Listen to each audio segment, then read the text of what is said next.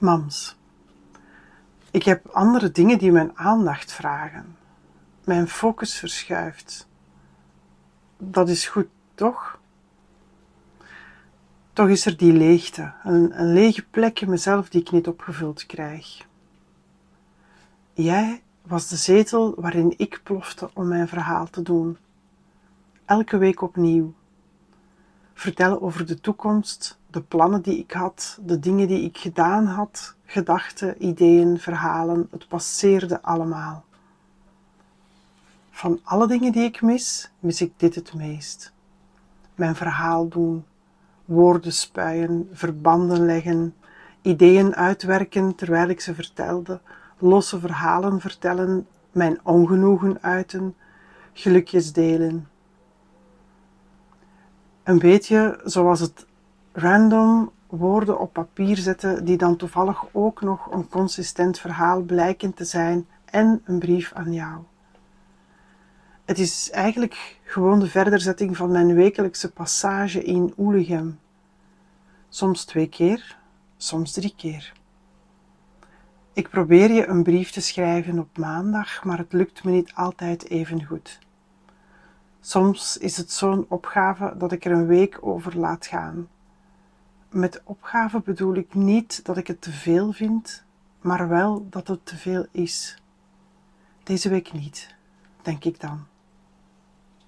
Soms heb ik ook gewoon niets te zeggen. Luide stilte, oorverdovende zwijgzaamheid. Dan broed ik, als een kip op een ei, op een verhaal of een idee. Dan kan ik niemand om me heen verdragen, ook de doden niet. Zij zijn dan lastige vliegen die in mijn hoofd zoomen. Wanneer ik ze kan uitzetten, is het tijd voor andere dingen. En soms is het druk in mijn hoofd hoor. Gelukkig is dat niet elke week. Af en toe heb ik veel te zeggen. Niet per se tegen jou, wel tegen anderen.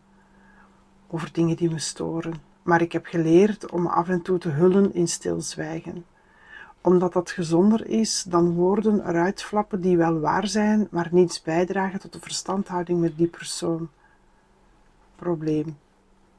Die woorden kon ik inslikken en ergens bijhouden tot ik ze kon spuwen aan jouw tafel.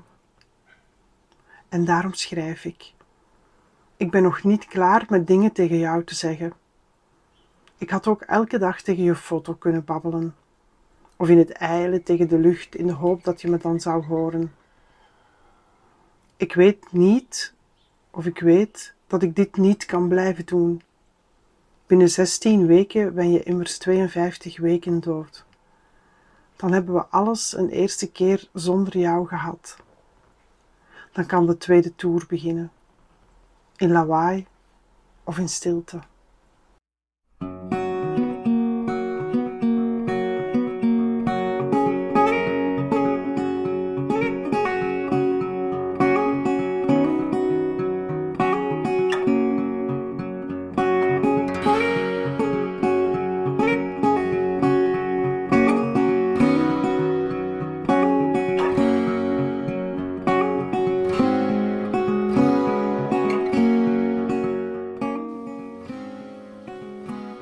Van alle dingen die ik mis, mis ik dit het meest.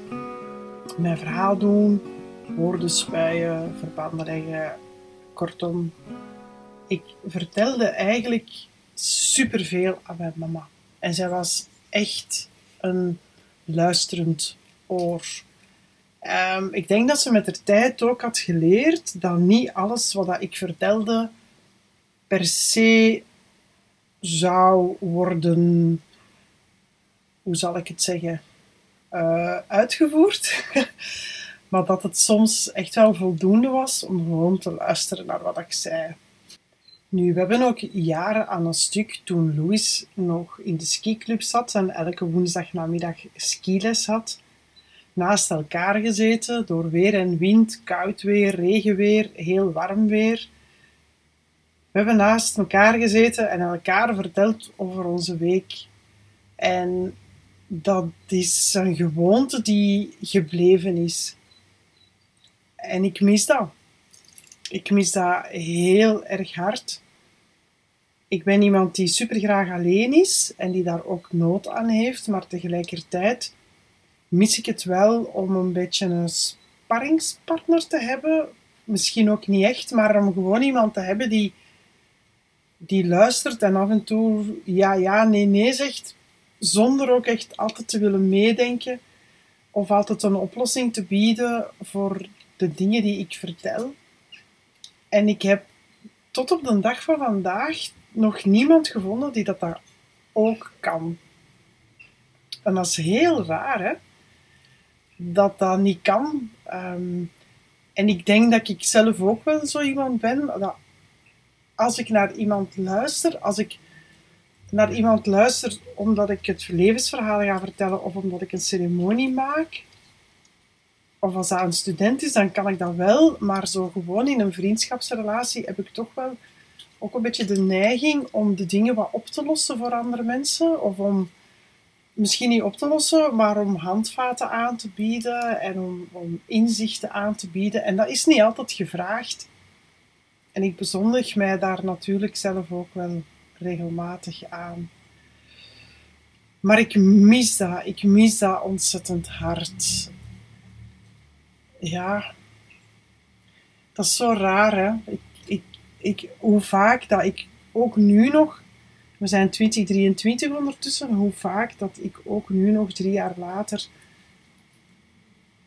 de telefoon wil nemen. Dat is echt zot.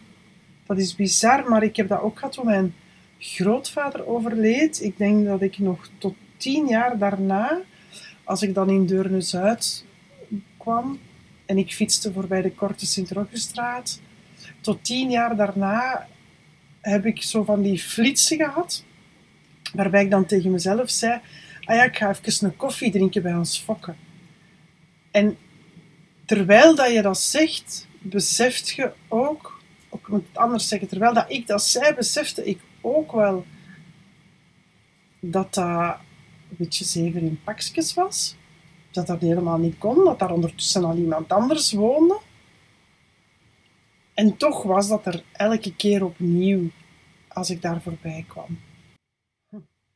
Dat is eigenlijk echt raar hoe dat uw brein zo van die spelletjes kan spelen met de herinneringen, ja, de herinneringen inderdaad die je hebt en met de gewoontes ook die je altijd hebt gehad. Ik heb, toen ik in Deurne woonde, ik ging elke ochtend bijna koffie drinken bij mijn grootvader. Dus dat is, dat is een gewoonte die zo gerelateerd is aan die straat en aan dat huis, dat dat elke keer terug oppopt als ik daar voorbij kom. En mijn week vertellen aan ons moeder is een gewoonte die tot op de dag van vandaag in mijn lijf nog altijd bestaat en waar ik nog altijd naar op zoek ben om een of andere reden. Ja, zot hè?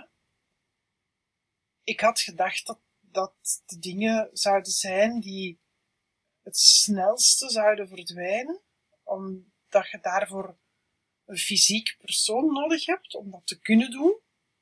Ik heb iemand nodig om dat tegen te kunnen vertellen. Maar dat is dus niet. En misschien is ook dat de reden waarom ik nog altijd niemand anders heb gevonden om zo elke week heel mijn parley tegen te doen. Misschien ontbreekt daar die onvoorwaardelijke moederliefde om te luisteren zonder oordeel te vellen. Misschien is dat iets dat ook alleen maar komt bij haar. Ik weet het niet. Ik weet niet waar dat het aan ligt. Ik weet alleen dat ik het drie jaar later nog ontzettend mis. En dat dat, dat zorgt ervoor dat ik mij soms eenzaam voel. Um, ja, ik wou zeggen alleen niet eenzaam, maar ik ben heel graag alleen en ik voel mij nooit eenzaam in mijn alleen zijn. Maar op dit vlak voel ik mij soms toch wel eenzaam. Vooral ook omdat ons moeder, die kon echt zo naar heel mijn uitleg luisteren en dan één of twee vragen stellen die ervoor zorgden dat ik alles in een ander perspectief bekeek. En als je zo iemand in je leven hebt, die dat kan, en waar dat je dat ook van aanvaardt, dat die dat doet, dan denk ik dat je een gelukkig mens bent. En als dat dan nog gebeurt met de wetenschap, dat er eigenlijk zo goed als nooit iets kan tussenkomen in die relatie, dat dat heel erg zeldzaam is misschien. Ik weet dat niet. In mijn leven is dat in ieder geval zeldzaam. De mensen die niet mijn mama waren bij wie ik dat vroeger kon doen, die zijn er niet meer. Die zijn weg uit mijn leven gegroeid uit elkaar of um, ja, er komen andere mensen in de plaats die dat, die skills misschien ja, gewoon niet zo goed onder de knie hebben, omdat ze dat niet hebben geleerd. Van welke reden dat daar ook voor is. Ik denk dat dat een talent is dat niet iedereen is gegeven. Ik kan heel goed met mijn echtgenoot babbelen, maar die is veel meer gericht op het vinden van een oplossing dan op het luisteren naar wat ik allemaal te vertellen heb. Ik heb een aantal vriendinnen die uh, heel goed naar mij kunnen luisteren, waarmee ik prima kan praten, maar die, die zo soms de hoeveelheid aan verhalen en ideeën die ik dan heb, niet kunnen bevatten en dan niet goed weten, ja, waar heeft ze het nu over? Waar wil ze mijn hulp nu mee? Maar misschien is dat ook iets dat heel herkenbaar is. Ik weet dat niet. Misschien is dat iets dat jij ook wel herkent. Uh, waarvan dat je zegt, ah ja, oké, okay, ik heb ook wel zo iemand in mijn leven, of ik mis dat ook wel, of ik merk ook wel, als ik daar of daar mee bezig ben, dat er niet altijd iemand is die dat dan gewoon luistert. Ja, ik weet dat niet. Misschien maak ik het ook gewoon veel te groot, hè. Dat kan ook wel. Misschien maak ik het ook veel te groot en is het net omdat zij het zo goed kon, dat ik nog altijd niet um, heb ontdekt dat iemand anders dat ook goed kan. Hè? Dus ja, het, het zorgt er niet voor dat ik mijn leven niet verder kan aanvatten, maar het heeft, ja, het is een gemis. Dat is hetgeen dat ik misschien wel gewoon wil zeggen. Ja, denk het wel. Zo. Ja. Ik ga het daarop houden deze week. Maar misschien is het voor uzelf ook wel eens fijn om na te denken. Ja, wat dat, wat dat voor jou zo belangrijk is in, uh, in uw relatie met iemand. En of, of, of dat hetgeen dat zo belangrijk is, of dat dat er nog wel is. En of dat daar misschien iets anders in de plaats is gekomen dat even waardevol is. Of dat je zo toch wel merkt van, ah ja, tja, kijk, uh, bij die persoon die er nu niet meer is, uh, had ik dat en ik mis dat. Ja, een vraag om de volgende week mee in te gaan. Tot volgende week. Bye bye.